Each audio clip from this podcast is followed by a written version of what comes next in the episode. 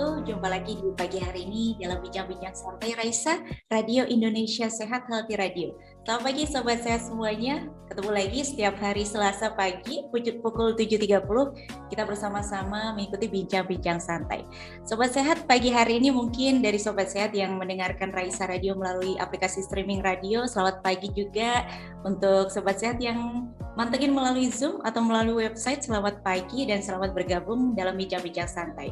Sobat sehat mungkin pagi hari ini ada rutinitas yang uh, rutin kita lakukan, momen-momen yang rutin itu adalah pagi-pagi nih berkaca. Nah, pagi-pagi biasanya sebelum mandi biasanya kita berkaca. Kalau kita berkaca pasti kita um, memunculkan keresahan-keresahan. Ini kulitku kenapa? Nah, pagi hari ini sobat sehat kita akan uh, menjawab keresahan-keresahan kita semua tentang bagaimana mengenali jenis kulit-kulit kita dan kita akan berbincang bersama dengan Dr. Flandiana Yogianti, PhD, spesialis dermatologi dan venerologi.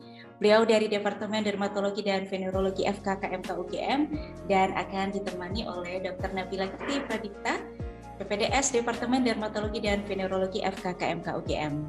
Kami persilahkan untuk sobat sehat yang nanti akan ada pertanyaan, boleh raise hand atau dituliskan di kolom chat saja. Baik, kepada Dr. Nabila, kami persilahkan.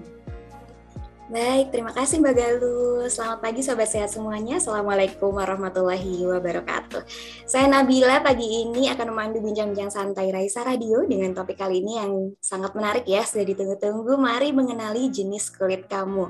Dengan narasumber kita pada pagi hari ini yaitu Dr. Flandiana Yogianti, PhD, spesialis dermatologi dan venerologi. Pasti sudah pada mengenal beliau ya, beliau ini adalah staf di bagian Departemen Dermatologi dan Venerologi Fakultas Kedokteran Kesehatan Masyarakat dan Keperawatan Universitas Gajah Mada, sekaligus Kepala Instalasi Subunit Rawat Jalan dan Privilege RSUP Dr. Sarjito. Baik, para pendengar Sobat Sehat sekalian, nanti uh, kalau penasaran, ingin bertanya, langsung saja menuliskan pertanyaannya di kolom komentar dan tentu saja akan dijawab langsung oleh Dr. Flandi pada pagi hari ini.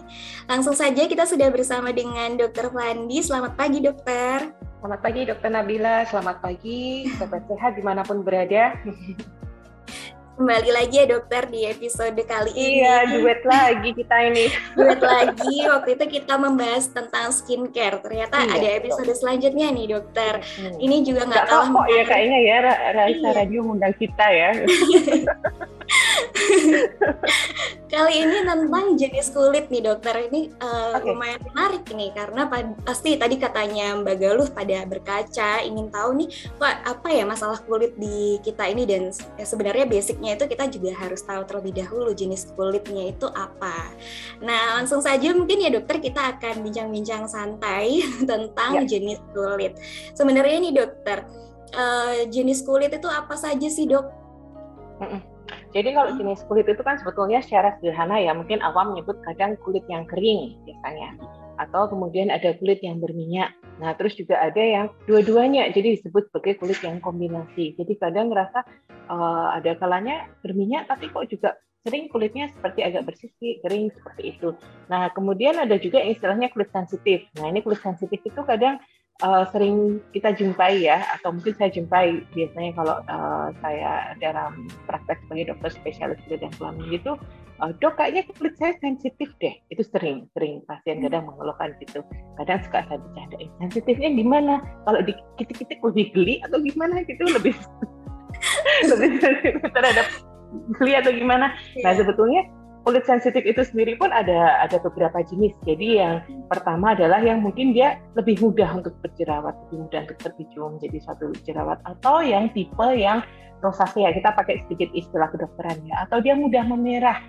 Jadi memerahnya biasanya juga karena suatu pemicu-pemicu tertentu bisa karena suhu, bisa karena uh, apa namanya makanan yang panas, yang pedas. Jadi uh, mungkin kalau dokter Nabila sekarang kulitnya uh, pipinya memerah ya, itu karena blush on. Gitu iya. Kan? nah itu bukan karena malu, bukan karena apa-apa hmm. atau blushing gitu biasanya. Nah hmm. itu itu ada juga yang tipe sensitif yang seperti itu. Kemudian yang kadang gampang selkit-selkit. Jadi hmm. kok nggak uh, ada apa-apa rasanya seperti ada yang menyengat seperti tingling sensasi yang uh, kayak sakit gitu ya sering yang dikeluhkan biasanya atau terbakar. Nah kemudian juga ada yang uh, tipe yang mudah alergi. Itu masuk dalam grup yang uh, kulit yang sensitif. Nah biasanya gampang gatal, gampang merah, gampang lupas kalau pakai produk-produk tertentu gitu. Itu mungkin secara sederhananya seperti itu. Kalau yang kulit kering ya keluhannya sering kok kayak kulitnya kayak ketari, kencang gitu atau bahkan kadang uh, lebih kayak kusam atau ada apa ya biasanya ya kayak lupas dikit-dikit kayak hmm. gitu. Hmm. hmm, hmm Jadi kalau yang kulit banyak. berminyak, betul. Hmm. Kalau kulit berminyak ya sederhananya biasanya, aduh kok apa ya berminyak sekali. Kadang ada yang memakai seperti tisu yang untuk menyerap minyaknya juga kan yang kayak plastik. Gitu. Mungkin iya. simpelnya seperti itu. Hmm, jadi nggak cuman kering, nggak cuman berminyak ya dok, ternyata ada jenis kulit lainnya. Dan tadi kalau berkaca kita hmm. bisa bedain ya dok, berarti ya maksudnya iya. apa sih jenis kulit kita. Jadi memang kalau yang kulit kering itu cenderung warnanya juga uh, agak-agak apa ya, tidak apa ya, kalau lebih kayak pucat, putih gitu karena memang lebih kering kan teks dan teksturnya, teksturnya kasar gitu. Terus ya tadi yang sudah saya jelaskan rasa kencang. Nah kalau kulit kombinasi ya biasanya berminyak. Eh sorry, kalau yang berminyak itu ya biasanya dia oily, lebih berminyak pada area-area tertentu. Tentunya yang area memang menghasilkan suatu uh, apa ya minyak ya, jadi yang banyak kelenjar minyak gitu. Nah, nah kalau yang kombinasi dia bisa aja pada area yang banyak kelenjar minyaknya itu memang berminyak, tapi di area lain kok ada keluhan kering itu juga bisa aja. Hmm, Oke, jadi berarti uh, ada kulit kombinasi ya dok ya, nggak cuma yang hmm. cuma kering aja, berminyak aja, ternyata ada kulit hmm, kombinasi. Hmm. Dan ternyata kulit sensitif juga ada banyak ya dok tipenya, nggak cuma rasa gampang merah. Cuma yang betul, sebenarnya nggak cuma yang gampang merah atau gampang sensitif, lebih sebenarnya ada beberapa jenis yang lain juga. Hmm, oke okay, baik nih. Jadi sobat sehat bisa coba berkaca, coba ditentukan nih jenis kulitnya apa. Tapi sebenarnya nih dok, kalau misalnya dengan berkaca aja kita nggak cukup buat mungkin kita pengen mengenal lebih jauh jenis kulit, ada nggak ya dok pemeriksaan lain yang bisa kita lakukan atau mungkin pemeriksaan penunjang di rumah sakit yang bisa kita lakukan untuk hmm, mengenali jenis bisa. kulitnya tuh ke arah mana? Betul. Jadi kadang kita memang perlu alat bantu untuk memeriksa ya. Jadi ada beberapa pemeriksaan. Tentunya ini mungkin kita nggak ada di rumah kayak gini kita harus datang ke dokter spesialis kulit dan kelamin atau dokter spesialis dermatologi dan venerologi. Jadi untuk memeriksa gimana sih uh, apa ya isinya produksi dari kelenjar minyak kita bisa dengan pemeriksaan sebum ya menggunakan alat seperti sebumeter. Atau kalau kulitnya terasa kering kita bisa melihat apakah memang ada suatu peningkatan dari transepidermal water loss atau yang sederhananya seperti air. Jadi uh, kulit kita pun bisa dehidrasi ya. Jadi kalau ada air yang menguap terlalu banyak gitu. Nah itu uh, harus dicek juga transepidermal water loss-nya itu juga ada alatnya. Jadi yang seperti termometer, kemudian juga corneometer bisa digunakan. Jadi ada beberapa uh, apa ya istilahnya alat penunjang yang bisa kita pakai. Tapi di samping itu kadang juga ada yang pemeriksaan menggunakan seperti kaca pembesar gitu yang itu tentunya uh, merupakan keahlian seorang dokter spesialis dermatologi dan venerologi ya atau dokter spesialis kulit dan kelamin itu kita juga bisa menilai oh area ini memang uh, kulit ini jenisnya seperti apa gitu dokter Nabila simpelnya gitu ya Hmm, jadi, jadi kadang bercermin pun nggak cukup, apalagi kalau hmm. selfie, selfie-nya kamera jahat pula ya. Kamera baik dong dok, pakai filter. Hmm? Oh, gitu ya. Iya baik. Jadi bisa uh, periksa ke dokter juga buat tahu sebenarnya jenis kulitnya itu ke arah uh, lebih ke arah yang mana. Nah yeah. dok ini kalau tadi kita bahas jenis kulit sebenarnya nggak okay. uh, jauh-jauh kita singgung juga tentang warna kulit. Mungkin sekarang ada ada tren yang pengen tan, ada tren yang pengen putih. Nah sebenarnya jenis kulit itu eh tip uh, warna kulit itu apa saja ya dok? Apakah hanya tan dan putih saja? Gimana kita cara membedakannya juga? Okay. Jadi sebetulnya uh, kita bisa membedakan beberapa fototipe untuk uh, kulit berdasarkan warnanya itu uh, berdasarkan ada yang disebut sebagai Fitzpatrick type ya. Jadi uh, itu seperti kakeknya, gurunya, suhunya di kulit ya. Dulu dia membagi kulit itu menjadi beberapa fototipe ada enam. Nah ada yang dari satu, dua, tiga, empat, lima, enam. Satu itu paling cerah, kemudian enam itu yang paling gelap. Nah, kalau yang satu ciri khasnya biasanya dimiliki oleh teman-teman kita yang orang Caucasian ya, itu ciri khasnya dia memang putih, putih pucat gitu. Nah, dia cenderung kalau terpapar sinar matahari, dia akan mudah sekali untuk terbakar, tidak pernah tanning. tidak pernah menghitam. Coba kalau dokter Nabila atau saya berjemur kita ke pantai itu apa yang terjadi? Apakah merah terbakar? Enggak, karena kita bukan tipe satu. Hmm. Kita akan justru menjadi kulitnya kok gelap ya, aduh gimana dong gitu kan? Iya. Nah itu ten, ten easily ya. Nanti saya jelaskan yang di tipe berikutnya. Nah, kalau yang tipe satu itu tanpa babiku, kalau kena sinar matahari tanpa menggunakan sunscreen yang ada kuat, kayak gitu dia akan terbakar. Bisa melepuh, bisa sampai memerah gitu ya, cukup berat. Kadang harus menggunakan obat-obat tertentu untuk meredakan masalahnya. Nah, kalau yang tipe dua, masih juga yang tipe yang putih ya biasanya itu, itu mulai uh, dia bisa terbakar juga kalau terpapar sinar matahari, tapi kemudian dia bisa menggelap, dia bisa tanning gitu. Jadi dia udah agak tidak sepucat yang tipe satu. Kalau yang tipe ketiga itu terkadang dia bisa terbakar, bisa juga uh, apa namanya tanning tanpa sebelumnya ada terbakar kulitnya. Jadi nggak ada lepuh, nggak ada memerah, tahu-tahu dia bisa terbakar. Nah kalau yang tipe tiga ini biasanya banyak yang di Asia Timur. Jadi uh, teman-teman kita yang di daerah yang di Korea atau di Jepang, di daerah desa yang di Cina itu antara yang tipe 3 biasanya atau tipe 2 juga ada. Nah, di Indonesia itu sebenarnya kita kan betul bineka tunggal ika ya, ada bermacam-macam. Jadi uh, ada yang dari tipe 3 biasanya range-nya tipe 3, 4, 5, bahkan mungkin kalau 6 itu biasanya yang teman-teman kita yang di Afrika seperti itu yang memang hitamnya gelap ya.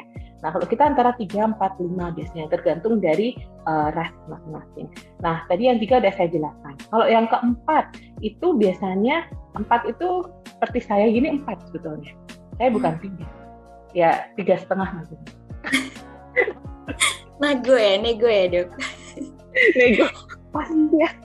Nah itu biasanya tidak tidak tidak terbakar. Kalau terpapar sinar matahari ya dia gampang untuk menjadi gelap. Itu warna-warna kulit antara putih sampai yang seperti agak coklat terang atau kuning langsat mungkin ya kalau bahasa kita. Nah kelima itu biasanya dia sudah jarang sekali terbakarnya. Melepuh sampai membentuk gula atau memerah itu yang ciri khas untuk yang sunburn gitu. Tapi dia mudah sekali menjadi hitam. Nah itu yang kulitnya tipe uh, coklat ya biasanya coklat uh, kemudian sawo matang itu masuk mana ya saya juga bingung kadang-kadang Kalau yang enam, nah itu paling akhir ini di 12 itu gelap ya. Itu itu udah tipe kulit yang paling gelap. Jelas sudah tidak uh, tidak apa ya kalau dia berjemur tidak akan kemudian terbakar kayak gitu kecuali memang dosis yang diterima itu sangat tinggi dan jadi hmm. gitu. Ya, jadi ini mungkin ilmu baru sebenarnya ya buat saya sobat saya. Jadi kalau ditanya mungkin jangan uh, apa warna kulitnya apa putih enggak. Sekarang pakai tipe ya. Saya tipe tiga. Cepat banget mikirnya. Minta diskon lagi. Tapi hmm. intinya jadi pembagian tipe-tipe itu kita memang sudah terlahir dengan menggunakan uh, sudah memiliki saya tipe kulit yang berapa gitu. Nah, sebaiknya memang kalau yang tipe kulit yang satu kayak gitu ya jangan tanning itu itu sama aja memberikan masalah tuh kan. Nah sebaliknya kalau kita di Asia gitu kan kadang selalu identik cantik sama dengan putih padahal kan enggak ya. Semua orang iya, tuh cantik gitu loh. Ya enggak semua orang cantik kalau cowok semua orang cakep gitu lah ya. Nah tapi kita semua sudah dikaruniai dengan kulit dengan itu sudah disesuaikan dengan di mana kita tinggal gitu loh. Kebayang nggak kalau seumpama dulu itu uh, diciptakan manusia dengan skin fototipe satu di Indonesia, kayak yang terjadi kita dengan sinar matahari yang sangat kaya ya setiap harinya gitu. Tentunya akan jadi masalah gitu. Mungkin hmm, jadi kulitnya terbakar mudah terkena kanker kulit dan lain-lain. Sehingga memang sudah pas kita memiliki kulit yang memang nggak putih gitu loh. Jadi we have to be proud. Cantik itu nggak harus selalu putih gitu loh. Kita dengan uh, apa ya istilahnya inner beauty itu lebih penting ya inner handsome juga lebih penting ya. Ini soalnya ada ada penonton yang laki-laki juga nanti kalau dibilang semuanya cantik gitu kan gimana gitu. Iya betul.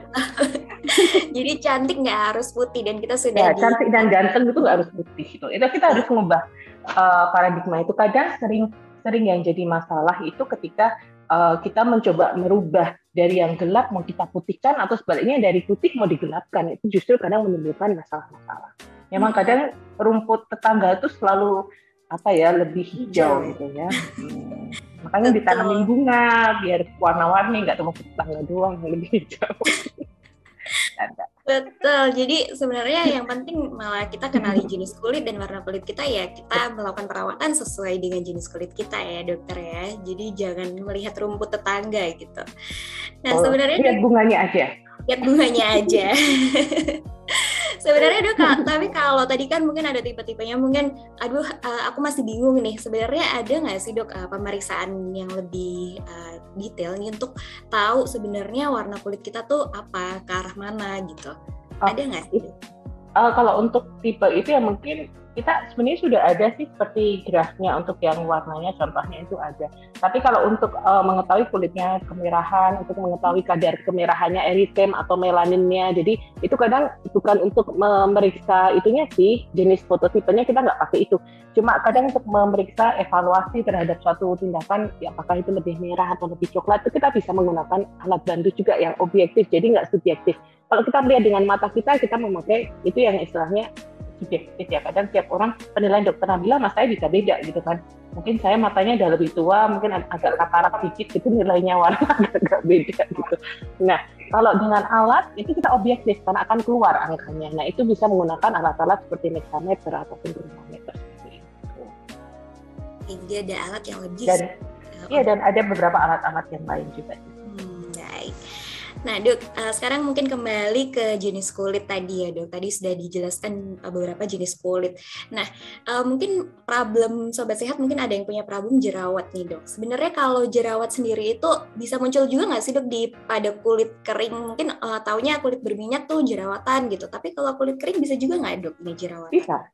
Bisa, bisa Dokter Nabila. Jadi contohnya saya sendiri memiliki kulit yang kering.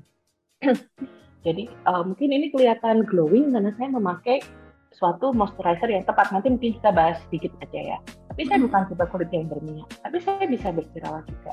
Nah, karena penyebabnya itu bermacam-macam. Nggak melulu itu karena kulit yang berminyak. Gitu. Ternyata ada hal-hal tertentu seperti trauma pada kulit yang bisa karena gesekan rambut ataupun dari dari kain ya mungkin yang sekarang juga yang sering kan karena masker kita penggunaan masker itu juga bisa menimbulkan suatu uh, jerawat juga karena ada ada proses yang clogging dan lain-lainnya. Nah penyebab jerawat sendiri itu kan bermacam-macam ya. ya ada multi apa yang multifaktorial juga.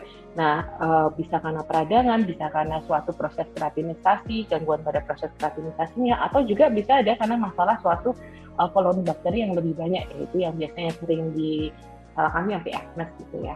Nah, peningkatan produksi sebum itu memang bisa terjadi pada beberapa kasus, tapi itu bukan poin jelas pasti yang utamanya gitu. Jadi memang banyak faktor.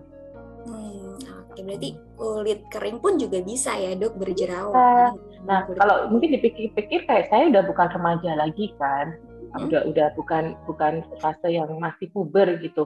Tapi dulu waktu remaja saya tidak berjerawat. Justru sekarang ketika usianya sudah bukan remaja lagi gitu kan, walaupun jiwa saya selalu remaja sih, itu ternyata Mbak Galo ketawa.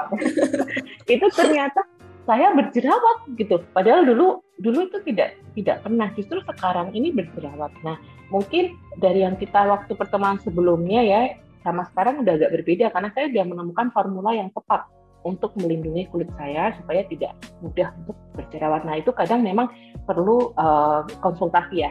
Kadang uh, kalau tidak cukup memakai apa yang ada di uh, istilahnya yang over the counter itu, jangan ragu untuk konsultasi dengan dokter spesialis dermatologi dan sinologi atau dokter spesialis kulit gitu. Iya, baik. Berarti nggak usah tunggu masalah ya dok, konsultasi pun juga diperbolehkan ke oh, dokter. Oh, kan masalah hidup datanya jangan ditambah lagi.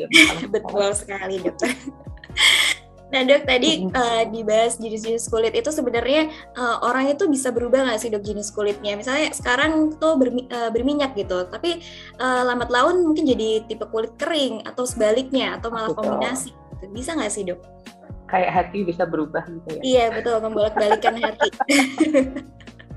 ya jadi sebenarnya bukan terus kulit itu berubah uh, apa ya berubah drastis gitu. Terus dia berubah hmm. itu sih enggak.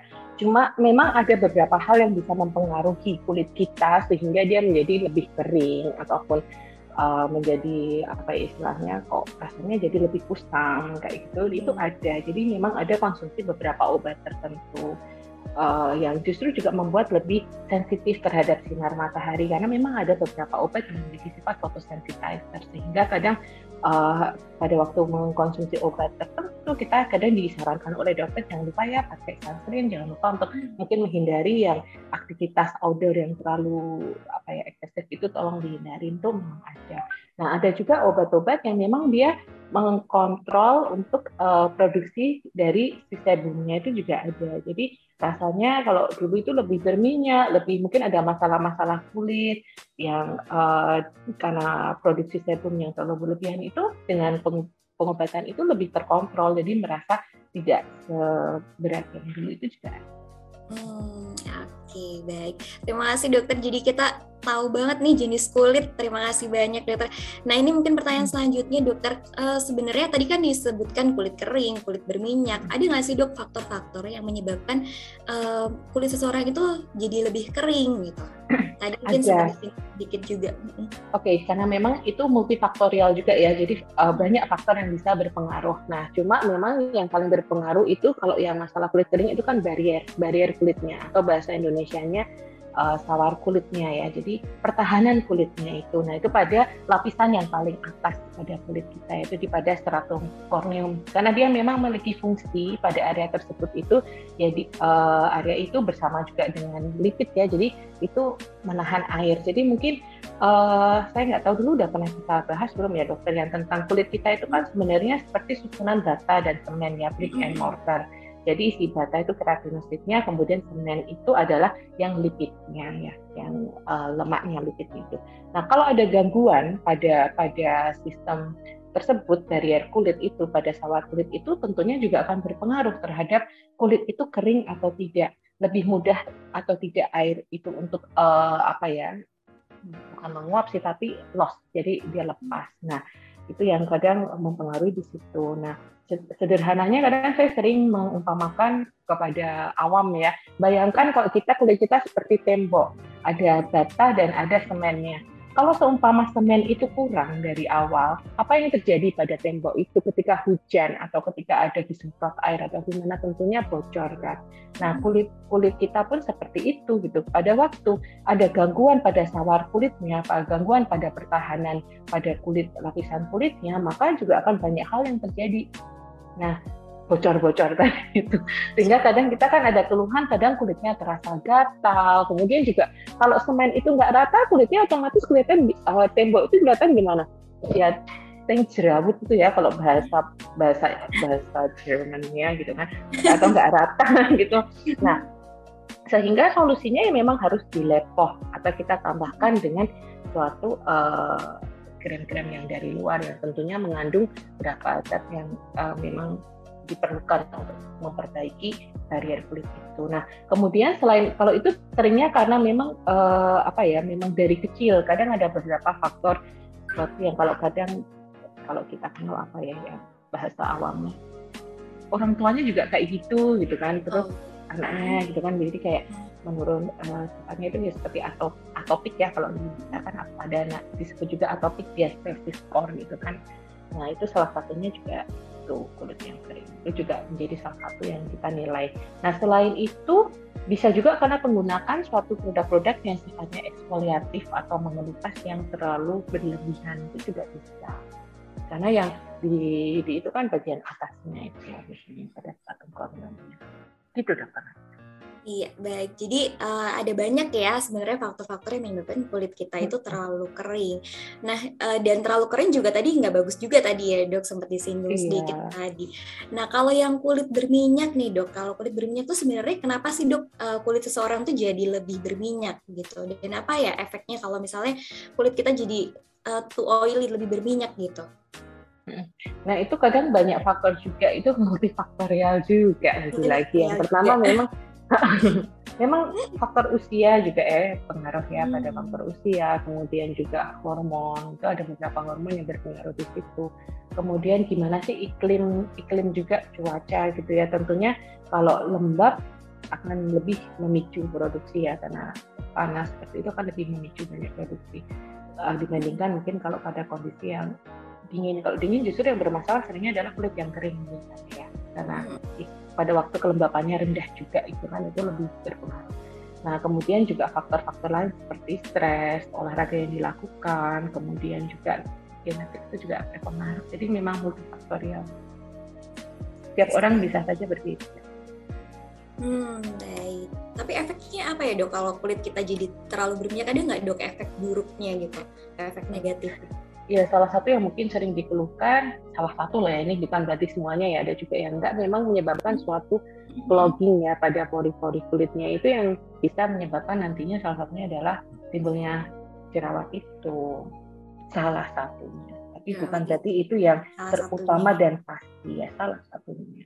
Dan uh, mungkin juga Karena tidak semua uh, nggak semua orang yang kadang kulitnya berminyak pun tapi dia uh, melakukan perawatan yang baik juga belum tentu terus harga mati langsung jerawatan itu juga enggak sama halnya kulit hmm. kering juga bukan harga mati dia nggak akan berjerawat Iya betul, betul sekali dokter. Jadi uh, tergantung perawatannya juga ya dok ya. Kulit ya. Uh, berminyak tidak selalu jerawatan. Jadi jangan berkecil hati nih buat sobat sehat yang kulitnya berminyak ya. Nah dok tadi sempat disinggung sedikit kalau tentang kulit sensitif dok. Sebenarnya tadi mungkin tadi ada uh, beberapa yang bisa menyebabkan kulit sensitif. Tapi ada faktor-faktor lain nggak sih dok? Kenapa orang itu kulitnya bisa jadi sensitif? Tadi sempat disinggung tipe-tipenya juga. Memang kadang ada faktor yang ini juga banyak faktor ya multifaktorial juga predisposisi yang atopik yang sempat kita bahas yang atopik diabetes core tadi itu juga ada ada hmm. pengaruhnya ya jadi memang ada dihitung juga ada beberapa hal yang menyebabkan kemudian penyakit-penyakit kulit tertentu itu juga bisa menyebabkan kulit menjadi lebih sensitif juga bisa gitu dan hmm. tipe-tipe kulit tadi kita sempat bahas fototipe itu juga oke baik jadi uh, itu tadi ya dok ya kalau kulit uh, kita sempat singgung kulit kering, kulit berminyak, kulit sensitif. Jadi ada banyak sekali sebenarnya uh, jenis kulit nggak cuma kering sama berminyak aja dan uh, faktor-faktor yang menyebabkan pun juga multifaktorial dan hmm. efek yang ditimbulkan juga bermacam-macam tergantung jenis perawatan ya sebenarnya ya dok. Jadi nggak yeah. melulu kulit berminyak jerawatan seperti itu. Kulit kering saja tadi juga disebutkan bisa juga berjerawat. Ya, baik terima kasih Dokter Flandi. Ini nggak kerasa dokter ini ternyata kita sudah setengah jam ngobrol-ngobrol iya. bincang-bincang santai. Tadi kita udah bahas tentang jenis-jenis kulit nih dok. Mungkin sekarang yang mau kita bahas tentang perawatannya nih dok. Perawatan masing-masing jenis kulit. Nah sebenarnya beda nggak sih dok perawatan jenis kulit untuk eh, masing-masing uh, jenis kulit yang tadi kita sudah sebutkan dokter? Hmm. Sebenarnya mungkin waktu yang lalu kita sudah pernah membahas ya kalau yang kita hmm. lakukan untuk perawatan tuh pada dasarnya basicnya sama ya seperti kita hmm. menggunakan pelembab yang tepat, pembersih kulit yang tepat itu ya. Kemudian juga uh, kalau memang mau ditambah dengan uh, istilahnya sunblock itu itu tambahan tapi intinya kita pilih dulu yang pelembab tepat sama pembersih yang tepat. Nah kalau untuk yang kulit yang berminyak uh, dengan kulit yang kering tentunya untuk pembersihnya pun kita harus berbeda nggak bisa sama. Seperti kalau yang kulit berminyak, mungkin kita justru memilih yang uh, mengandung adalah foaming cleansernya. Jadi yang fungsinya untuk uh, menghilangkan istilahnya kelebihan lipidnya gitu ya. Jadi dia ada kandungan surfaktannya. Nah kemudian untuk yang kulit kering kita justru memilih yang non foaming cleanser biasanya. Dan justru ada yang uh, istilahnya apa ya? Hmm, apa itu? Non-stop cleanser itu sering ya. Kadang-kadang kalau kita lihat kan ya untuk kulit kulit sensitif kulit kering itu non-stop cleanser gentle cleanser gitu. Nah ciri khasnya biasanya ketika kita mencuci muka mencuci wajahnya itu malah kerasanya tidak kering tapi dia lebih terasa agak seperti lembab gitu. Karena memang dia ada uh, beberapa kandungannya yang fungsinya untuk uh, bisa menjaga deposit asam lemaknya di kulit sehingga memperbaiki sawar kulitnya atau tadi itu barrier kulitnya dan pH-nya juga biasanya tidak gitu pilihannya. Nah kalau untuk yang uh, pelembab sendiri biasanya terutama yang kulit kering ya itu harus uh, mengandung beberapa komponen salah satunya mungkin seramid ya sekarang juga kita lihat banyak kan yang mengandung ada seramid, ya. kemudian juga kolesterol dan itu uh, rasionya harus tepat ya satu banding satu banding satu Ya, jadi memang lengkap. Dan dia fungsinya tadi itu yang saya cerita tentang tembok yang semennya kurang tadi yang dilepoh dari luar biar lebih smooth gitu kan. Itu juga kita melepohnya menggunakan pelembab yang tepat kurangnya gitu. Nah kalau nanti kulitnya itu sudah menggunakan pelembab yang tepat kulit kering itu nanti biasanya juga permukaannya menjadi lebih baik dia memantulkan sinar lebih baik sehingga kesannya lebih glowing gitu. Nah itu hmm. mungkin contoh-contoh muda yang bisa dilihat itu kulit saya. Sebenarnya kulit saya itu kering gitu kan, hmm. kering banget. Jadi sering bersih kayak itu juga iya. Kalau saya tidak memakai sabun yang tepat, tidak memakai pelembab yang tepat. Tapi dengan menggunakan pelembab yang tepat, sabun yang tepat, ternyata tanpa harus menggunakan banyak dempul-dempul lainnya seperti foundation dan lain-lainnya, cukup memakai uh, pelembab kemudian istilahnya sunscreen dan bedak tabur gitu pun sudah kelihatan apa ya sehat ya nggak sih untuk kok malah yang nggak sih Iya, iya, iya. Jadi uh, sebenarnya itu tips glowingnya itu ya dok ya sebenarnya kalau iya. orang jadi glowing sekarang kan. Oke, okay, oke. Okay. Jadi uh, sebenarnya berarti kalau gitu kulit berminyak juga butuh pelembab berarti ya dok ya? Betul, tapi nanti disesuaikan. Jadi juga biasanya dari bentuk sediaannya pun berbeda dari bentuk sediaan obatnya itu loh uh, kok bentuk sediaan obat ya bentuk sediaan dari topikalnya itu akan berbeda biasanya antara kulit yang uh, kering dengan kulit yang lembab. Nah memang kalau perlu sih sebaiknya konsultasi terlebih dahulu apa sih yang cocok gitu. Biasanya kan lebih hmm. ringan. Beda kalau memakai yang kulit uh, untuk kulit yang kering kan rasanya lebih uh, apa ya? Kalau dipakai kulit yang keringnya rasanya dia kan lebih lebih padat, lebih oily kayak gitu. Jadi lebih hmm. lebih ringan, kemudian juga tidak mengandung beberapa bahan yang komedogenik. Nah itu listnya banyak juga ya. Dan itu juga tidak selalu semua bahan itu pasti 100% menyebabkan timbulnya komedo sekali lagi belum hmm. karena itu juga tergantung kulit masing-masing. Oke, berarti ini sobat sehat bisa nih ya coba kalau ke apa lihat-lihat uh, skincare drugstore bisa dilihat lagi nih kandungannya, sediaannya tadi yang dijelaskan oleh dokter Pandi. Kalau bingung ada dokter kulit ya dok bisa konsultasi. Hmm. Baik dokter. Nah kalau uh, untuk kulit yang berminyak sendiri dokter ini tadi kan disinggung uh, kalau bisa yang uh, seperti apa tadi uh, uh, bahannya beda dengan yang kulit kering terus ada nggak dok produk-produk uh, atau mungkin uh, jenis skincare yang uh, atau perawatan yang sebaiknya nggak kita lakukan untuk uh, tipikal kulit yang berminyak? Hmm. Jadi memang mungkin yang sebaiknya dihindari ya memang yang mengandung uh, konsistensinya mengandung seperti minyak gitu ya atau hmm. yang tadi yang saya sebut rasanya pelembab krim yang berat berat karena lembabnya. Dia memang sangat lembab. Jadi lebih baik memilih yang pelembab yang mengandung humektan seperti asam hyaluronat ataupun juga yang analgetan sulfat seperti itu bisa dicoba. Tapi nanti itu sekali lagi ya tergantung kulit masing-masing. Kadang hmm. memang harus harus uh, trial and error sampai nemuin yang paling tepat gitu. Jadi jangan ragu untuk konsultasi gitu. Karena kalau pemilihan pelembab yang kurang tepat juga jadi kasusnya justru mungkin pada kulit yang berjerawat dia bisa saja menjadi lebih banyak jerawatnya lebih banyak hmm. muncul atau lebih banyak berminyak kayak gitu sebaliknya kulit yang kering tadi kalau mungkin kita balik lagi kulit yang kering kalau kita pemakaiannya tidak tepat untuk yang pelembab atau sabun wajah terutama ya ciri khasnya kulitnya akan terasa kencang hmm. kering ketat kayak gitu. Nah itu udah tanda-tanda sebetulnya bahwa apa yang dipakai itu tidak sesuai, tidak cocok gitu. Jadi bisa saja dipakai temennya yang lain, kulitnya teman saya juga kering kok, juga berminyak kok, sama dengan kulit saya.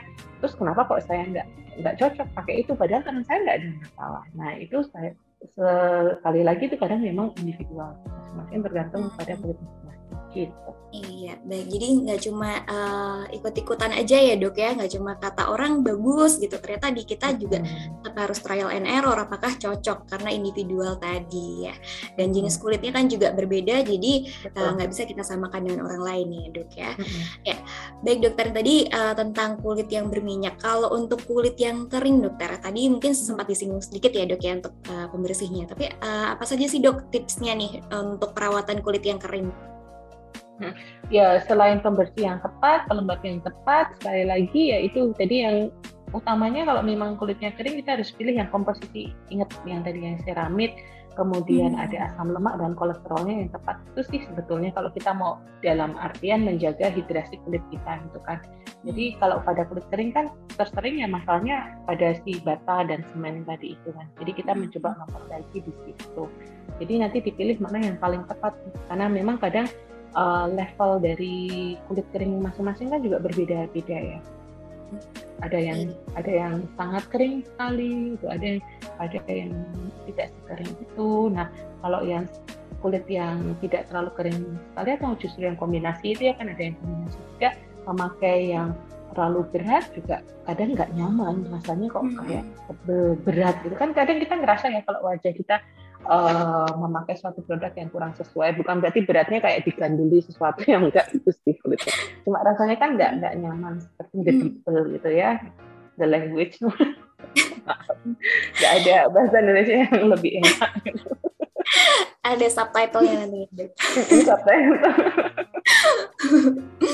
Iya baik. Uh, kalau tadi tentang kulit kering ya dok, sebenarnya kalau untuk uh, mungkin tadi sempat disinggung juga ya dok kulit kombinasi juga tidak boleh terlalu berat tadi ya uh, kandungannya. Nah kalau misalnya untuk yang kulit sensitif nih dok, uh, mungkin kalau kulit sensitif uh, orang jadi uh, kesannya takut gitu dok. Mau coba-coba skincare atau mau pakai skincare bingung dok. Karena aduh takut jadi merah, takut gampang iritasi seperti itu. Nah gimana nih dok tipsnya kalau misalnya kulitnya sensitif gimana cara memilih produk skincare-nya? Jadi yang bisa dipilih memang uh, yang pertama adalah menggunakan ya kayak yang sabunnya sendiri juga digunakan sama seperti yang kulit kering tadi itu. Jadi pilih coba hmm. yang uh, gentle cleanser gitu ya yang hmm. Uh, tapi sekali lagi kulit sensitif kan macam-macam ya tadi ada yang mudah, yeah. jadi mudah dijerat. Tapi lagi-lagi itu tergantung ya sensitifnya yang kayak hmm. gimana gitu. Jadi disesuaikan aja dengan jenis kulitnya baik pelembab maupun sabunnya.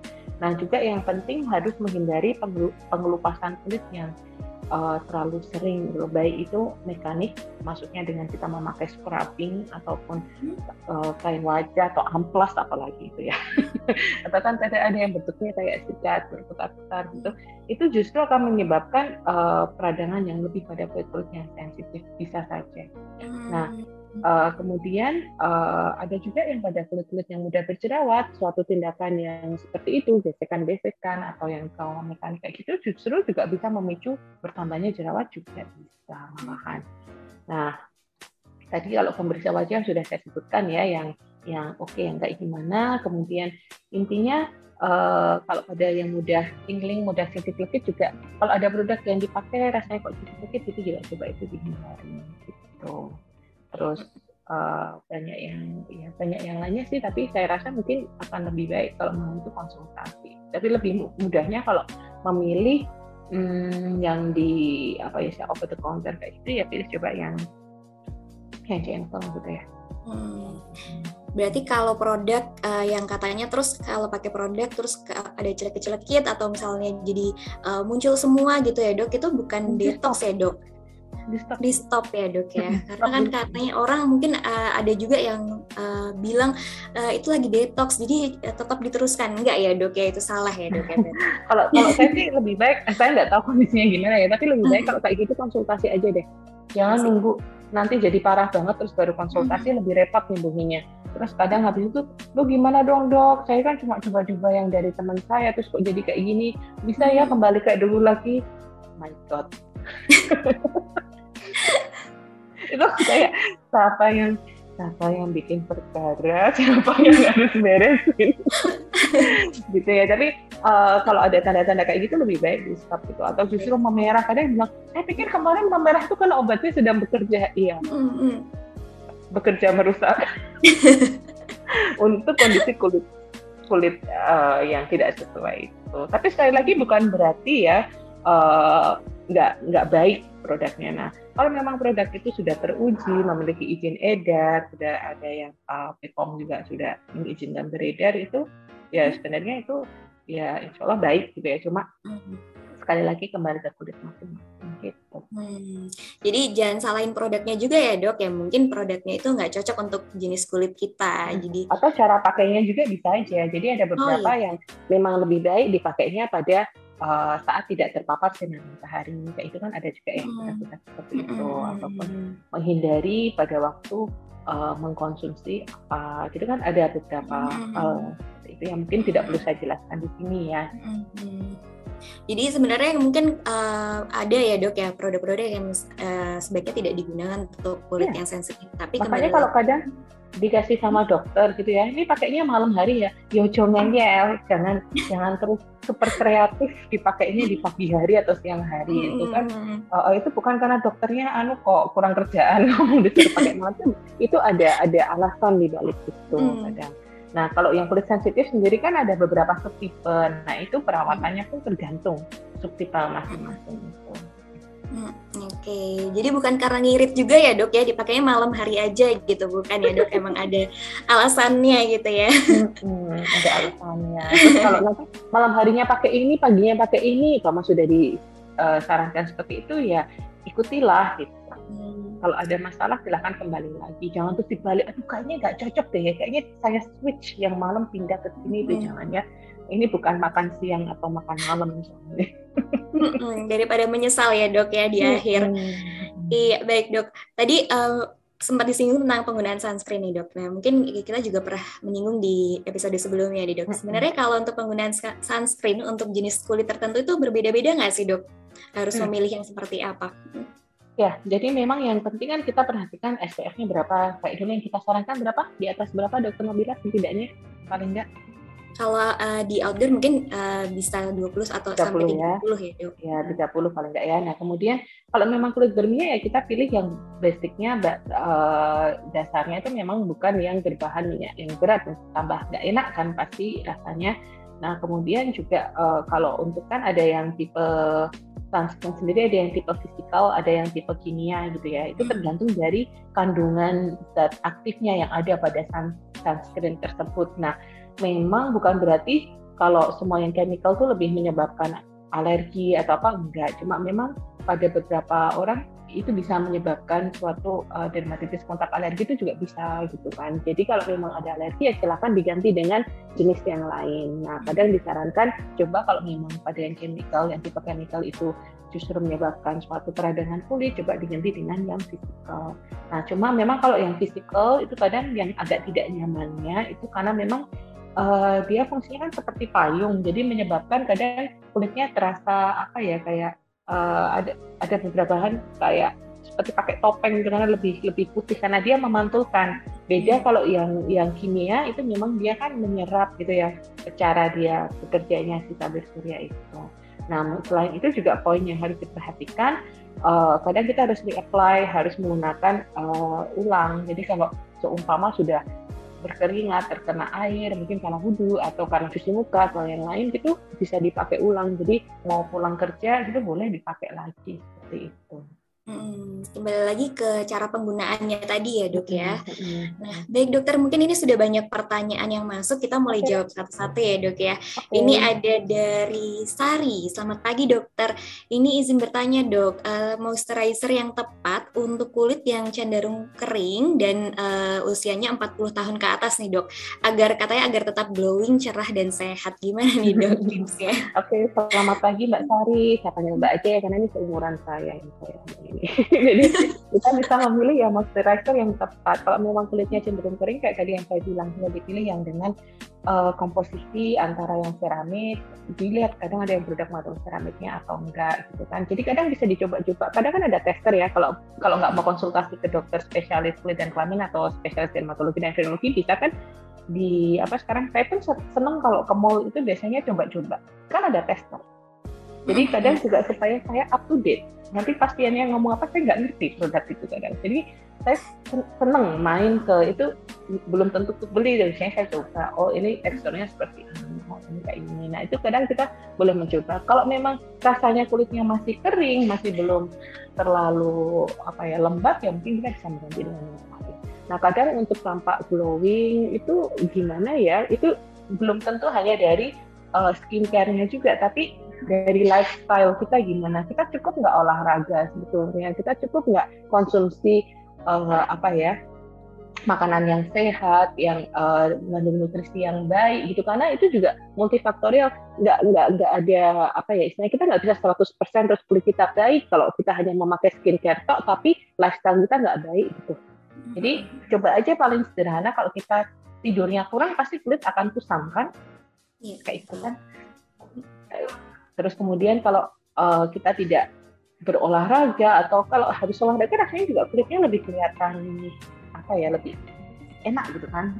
Dari oh, dari dalam tubuh kita sendiri lebih enak gitu. Jadi memang banyak faktor. Nah kadang perlu juga ditambahkan dengan penggunaan uh, beberapa apa ya istilahnya kayak krem malam tuh kadang ada beberapa kandungan ya. Kalau tidak ada masalah dengan dengan beberapa bahan aktif tertentu itu bisa ditambahkan yang fungsinya juga untuk mengangkat uh, kulit-kulit istilahnya apa ya kalau akan kulit mati, kulit ari yang sudah kulit mati ya karena kulit kita kan sebenarnya juga ada umurnya dia akan berganti nah itu bisa bisa uh, dipakai juga. Tapi sekali lagi ada ada beberapa jenis juga dan masing-masing orang itu uh, ada cocok-cocoknya lah kayak saya sendiri saya tidak bisa memakai produk-produk yang retinoid itu nggak bisa. Jadi saya walaupun dokter kulit saya nggak bisa. Karena memang kulit saya kering dan kulit saya sensitif saya nggak bisa.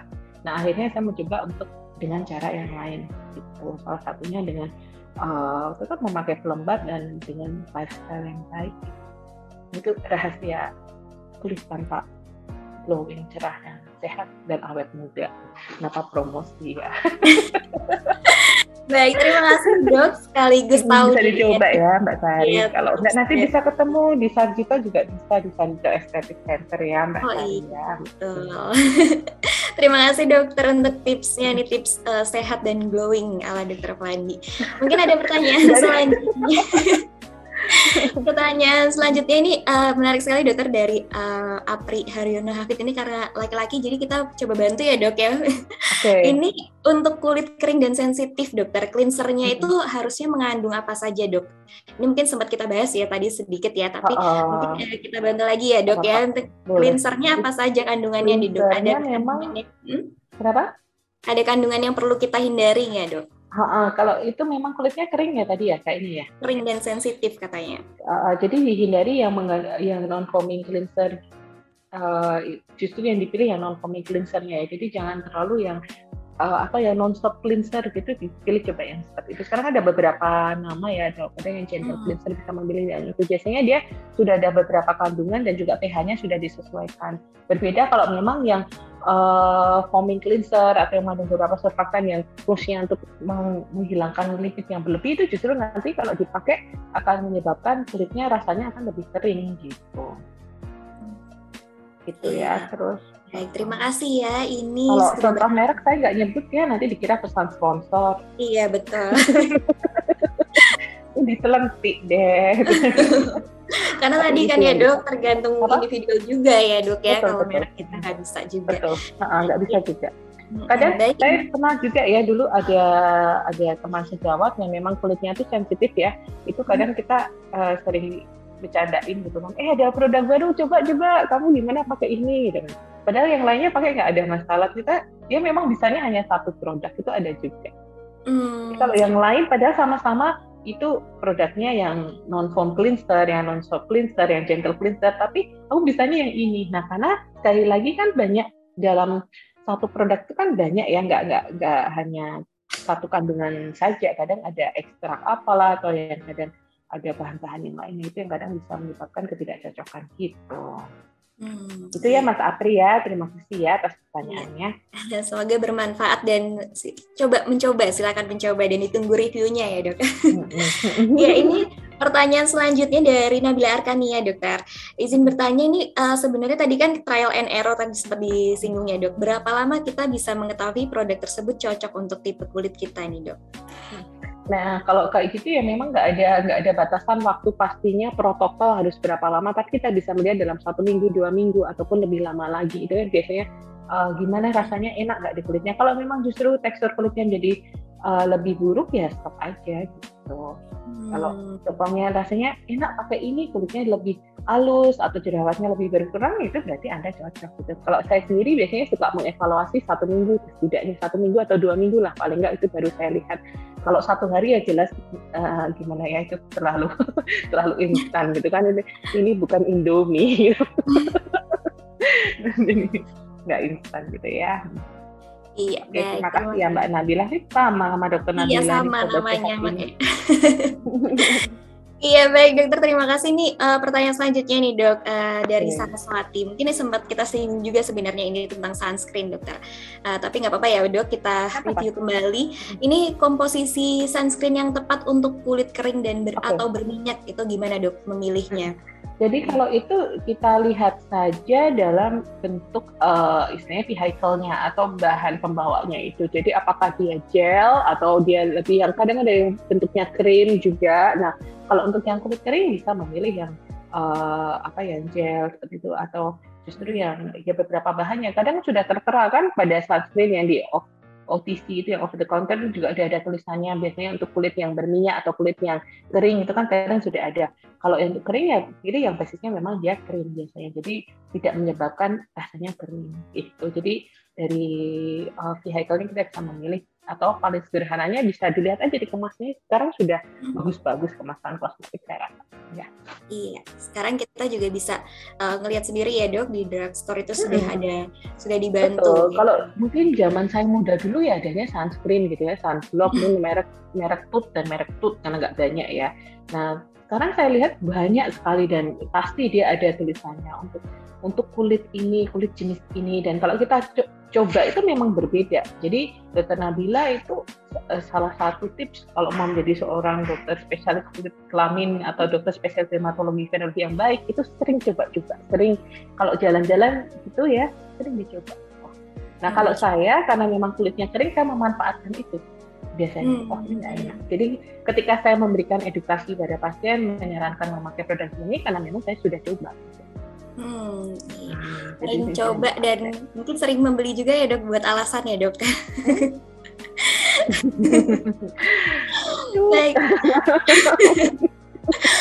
Pertanyaan selanjutnya ini dok dari hmm. Marika Suwondo. Uh, apakah ada perbedaan frekuensi jumlah cuci muka dokter dengan cleanser wajah yang diperbolehkan pada jenis kulit berminyak dan kering? Mungkin frekuensinya dokter apakah berbeda ya dok untuk kulit berminyak dan kering? Karena biasanya katanya pada kulit kering cenderung merasa ingin hmm. membersihkan kulit terus gitu dokter. Oh aduh kalau kulit kering membersihkan kulit terus-menerus malah justru dia akan mengganggukan. Ingat kalau kita mencuci muka tetap dia ada, ada efeknya kan terhadap barrier kulitnya terhadap yang stratum yang paling atas. Kalau kita mencuci terlalu sering justru akan mengganggu kulitnya akan terasa lebih kering lagi sepertinya. Jadi tipsnya kalau untuk kulit kering ya jangan terlalu sering jadi uh, cukup pada waktu dua kali sehari lah kayak gitu dengan tentunya pilihannya yang yang uh, apa ya non foam cleanser tadi yang gentle cleanser yang non soap cleanser ya pilihannya seperti itu. Jadi justru jangan terlalu sering. Mungkin rasanya pengen bersihkan karena kulitnya kayak kering-kering atau kadang kadang ada bersih kecil putih-putih di situ ya. Tapi justru tambah dibersihin akan tambah menjadi. Hmm. Nah kalau sebenarnya saya juga menyarankan hal yang sama kok baik kulit yang kering maupun berminyak tap, uh, untuk frekuensinya tapi yang berbeda itu adalah jenis dari si sabunnya itu. Hmm. Oke, baik siap dokter. Terima kasih dokter. Mungkin ini pertanyaan terakhir dokter karena okay. waktunya sebentar lagi sudah mm-hmm. habis. Ini dari kok dari RSUP Sarjito ini dong. Oh, iya, Selamat iya, pagi. Aduh. Selamat pagi dokter. Ini mohon pencerahan dokter tentang munculnya jerawat setelah penggunaan masker. Jadi sudah coba gonta-ganti masker medis maupun masker kain, tapi jerawatnya masih juga belum mau hilang dokter. Apa yang harus dilakukan perawatannya? Oh, oh. Kan kalau memang kasus yang masker ini ya, yang jerawat karena masker ini memang kita uh, pencetusnya memang salah satunya adalah masker. Nah, ini tentu kita tidak bisa menghilangkan maskernya ya karena pandemic is not over yet kan belum belum berakhir. Nah bisa diakalin dengan menggunakan uh, pelembab ataupun juga nanti kita bisa lihat di pembersihnya yang selama ini dipakai apa. Jadi coba kita pilih yang sesuai. Karena uh, sekali lagi saya uh, testimoni dari diri saya sendiri ya, saya sempat satu tahun juga menderita masna itu yang cukup berat dan akhirnya baru-baru ini ketika bisa memilih yang paling tepat itu benar-benar mengurangi sekali. Awalnya itu setiap kali apalagi saya harus memakai N95 terus sih hmm. komedo muncul aduh kayak gitu kan. Nah, coba nanti karena sama-sama di RSUP Dokter Sarjita mungkin nanti bisa ketemu saya langsung kita lihat ya nanti mungkin ada pelengkap apa yang bisa saya sarankan gitu. Ini mungkin nanti sekalian saya juga menyampaikan ya Dokter Nabila ya. Jadi kalau mungkin ada rekan-rekan uh, sobat sehat di sini yang masih ragu, aduh takut kok ke Sarjito gitu kan masih ke rumah sakit masih pandemi kayak gini. Jangan ragu, kami juga ada fasilitas untuk melakukan uh, telemedicine atau kalau di Sarjito disebut sebagai tekon, telekonsultasi online. Jadi jangan ragu, bisa banget tetap konsultasi dengan dokter spesialis kulit dan kelamin atau dokter spesialis dermatologi dan venerologi tanpa harus uh, takut untuk datang ke rumah sakit ya. Tapi ke rumah sakit juga nggak perlu takut karena tentunya kami menerapkan protokol kesehatan sudah disesuaikan itu. Nah, gimana kalau mau take on itu juga bisa uh, bagi sobat sehat yang menggunakan Android, HP Android jangan lupa untuk uh, download aplikasi yang Clickstart gitu aja nanti semuanya ada di situ. tekon, pendaftaran online, termasuk yang jadwal dokter semuanya. Maaf ya, ini Mbak Galuh saya promosi juga ya. iya, jadi sebenarnya eh, nggak uh, ada rintangan untuk kita konsultasi ya dok. Iya, ya, jadi di era yang sudah serba digital ini pun rumah sakit Sarjito juga berusaha mengimbangi ya. Jadi nggak ada jangan bilang ah takut ke Sarjito parkirnya sulit atau jauh atau banyak pasien kayak gitu sekarang kita bisa menggunakan yang aplikasi yang uh, Tekon salah satunya. Jadi jangan ragu, oke? Okay? Iya, jangan ragu. Iya betul. Bertemu dengan dokter Flandi ya. Jadi walaupun yang um, lain juga kami ada banyak dokter yang lain. Yang iya betul. Mungkin Nggak kalau misalnya promosi diri sendiri. Promosi. saya promosi program saya aja ya. iya, jadi sobat sehat uh, kalau misalnya masih ragu, mungkin belum cukup uh, bincang-bincang santai kita pada pagi hari ini mau uh, konsultasi bisa langsung tekon tadi atau datang langsung ke hmm. gitu. Baik, terima kasih Dokter Flani sudah meluangkan waktunya untuk diskusi bareng bersama kami dan sobat sehat. Terima kasih di tengah-tengah kesibukannya Dokter uh, di episode ini uh, dan episode kemarin ya Dok. Mungkin nanti uh, bisa saja di episode-episode mendatang ya Dok ya. kalau Mbak Galuh nggak bosan Pak Mbak Galuh kalau nggak bosan ya Baik, terima kasih Dokter Mandi. Semoga sehat dan sukses selalu. Dokter. Salam sehat selalu buat sobat sehat, Dokter Nabila, Mbak Galuh, dan yang lain. Iya, terima kasih dokter. Jadi tadi sudah eh, kalau bisa disimpulkan bahwa mengenal mengenali jenis kulit itu penting sehingga kita bisa merawat uh, wajah kita sesuai dengan jenis kulit kita. Dan kalau ada masalah atau ragu, langsung saja konsultasi tekon atau langsung ke RSUP Dokter Sarjito. Terima kasih dokter. Uh, terima kasih sudah berkenan uh, meluangkan waktunya untuk bincang-bincang santai Raisa Radio pada pagi hari ini. Baik sobat sehat, sebelum saya akhiri saya mohon maaf apabila terdapat kekurangan selama uh, uh, acara bincang-bincang santai pada pagi hari ini. Uh, saya mohon pamit dan saya kembalikan ke Mbak Galuh. Silakan Mbak Galuh. Terima kasih. Terima kasih Dokter Nabila dan juga terima kasih banyak Dokter Fladi atas ilmunya hari ini. Dokter Nabila juga luar biasa. Sama-sama, senang bisa berbagi. Senang banget ketemu sama Bu Fladi dan juga Dokter Nabila. Semoga sehat selalu Dokter Fladi dan juga Dokter Amin, sama-sama Mbak, Mbak Galuh. Selamat melanjutkan aktivitas. Dan sobat sehat demikian bincang-bincang santai hari ini ternyata dalam kita merawat kulit tidak hanya kita berfokus pada kulit itu sendiri, mulai dari skincare dan sebagainya, tapi kita juga perlu uh, mengenali juga pola hidup kita. Ternyata tadi mengutip dari Dokter Vladi juga bahwa pola makan, olahraga, dan juga pola tidur juga mempengaruhi Betul. kualitas kesehatan tubuh, uh, kulit kita. Terima kasih banyak sobat sehat untuk Anda yang kebetulan hari ini belum mengikuti dari awal bisa Anda nikmati kembali di Spotify-nya Raisa Radio Indonesia Sehat. Terima kasih, saya Galuh mohon pamit undur diri, mohon maaf apabila ada kesalahan. Terima kasih Dokter Flandi, Dokter Nabila, sehat selalu. Terima kasih. Sama, terima kasih Mbak Galuh, sehat selalu. Sampai jumpa lagi uh, di lain kesempatan, Sobat Sehat. Saya Galuh mohon pamit. Wassalamualaikum warahmatullahi wabarakatuh.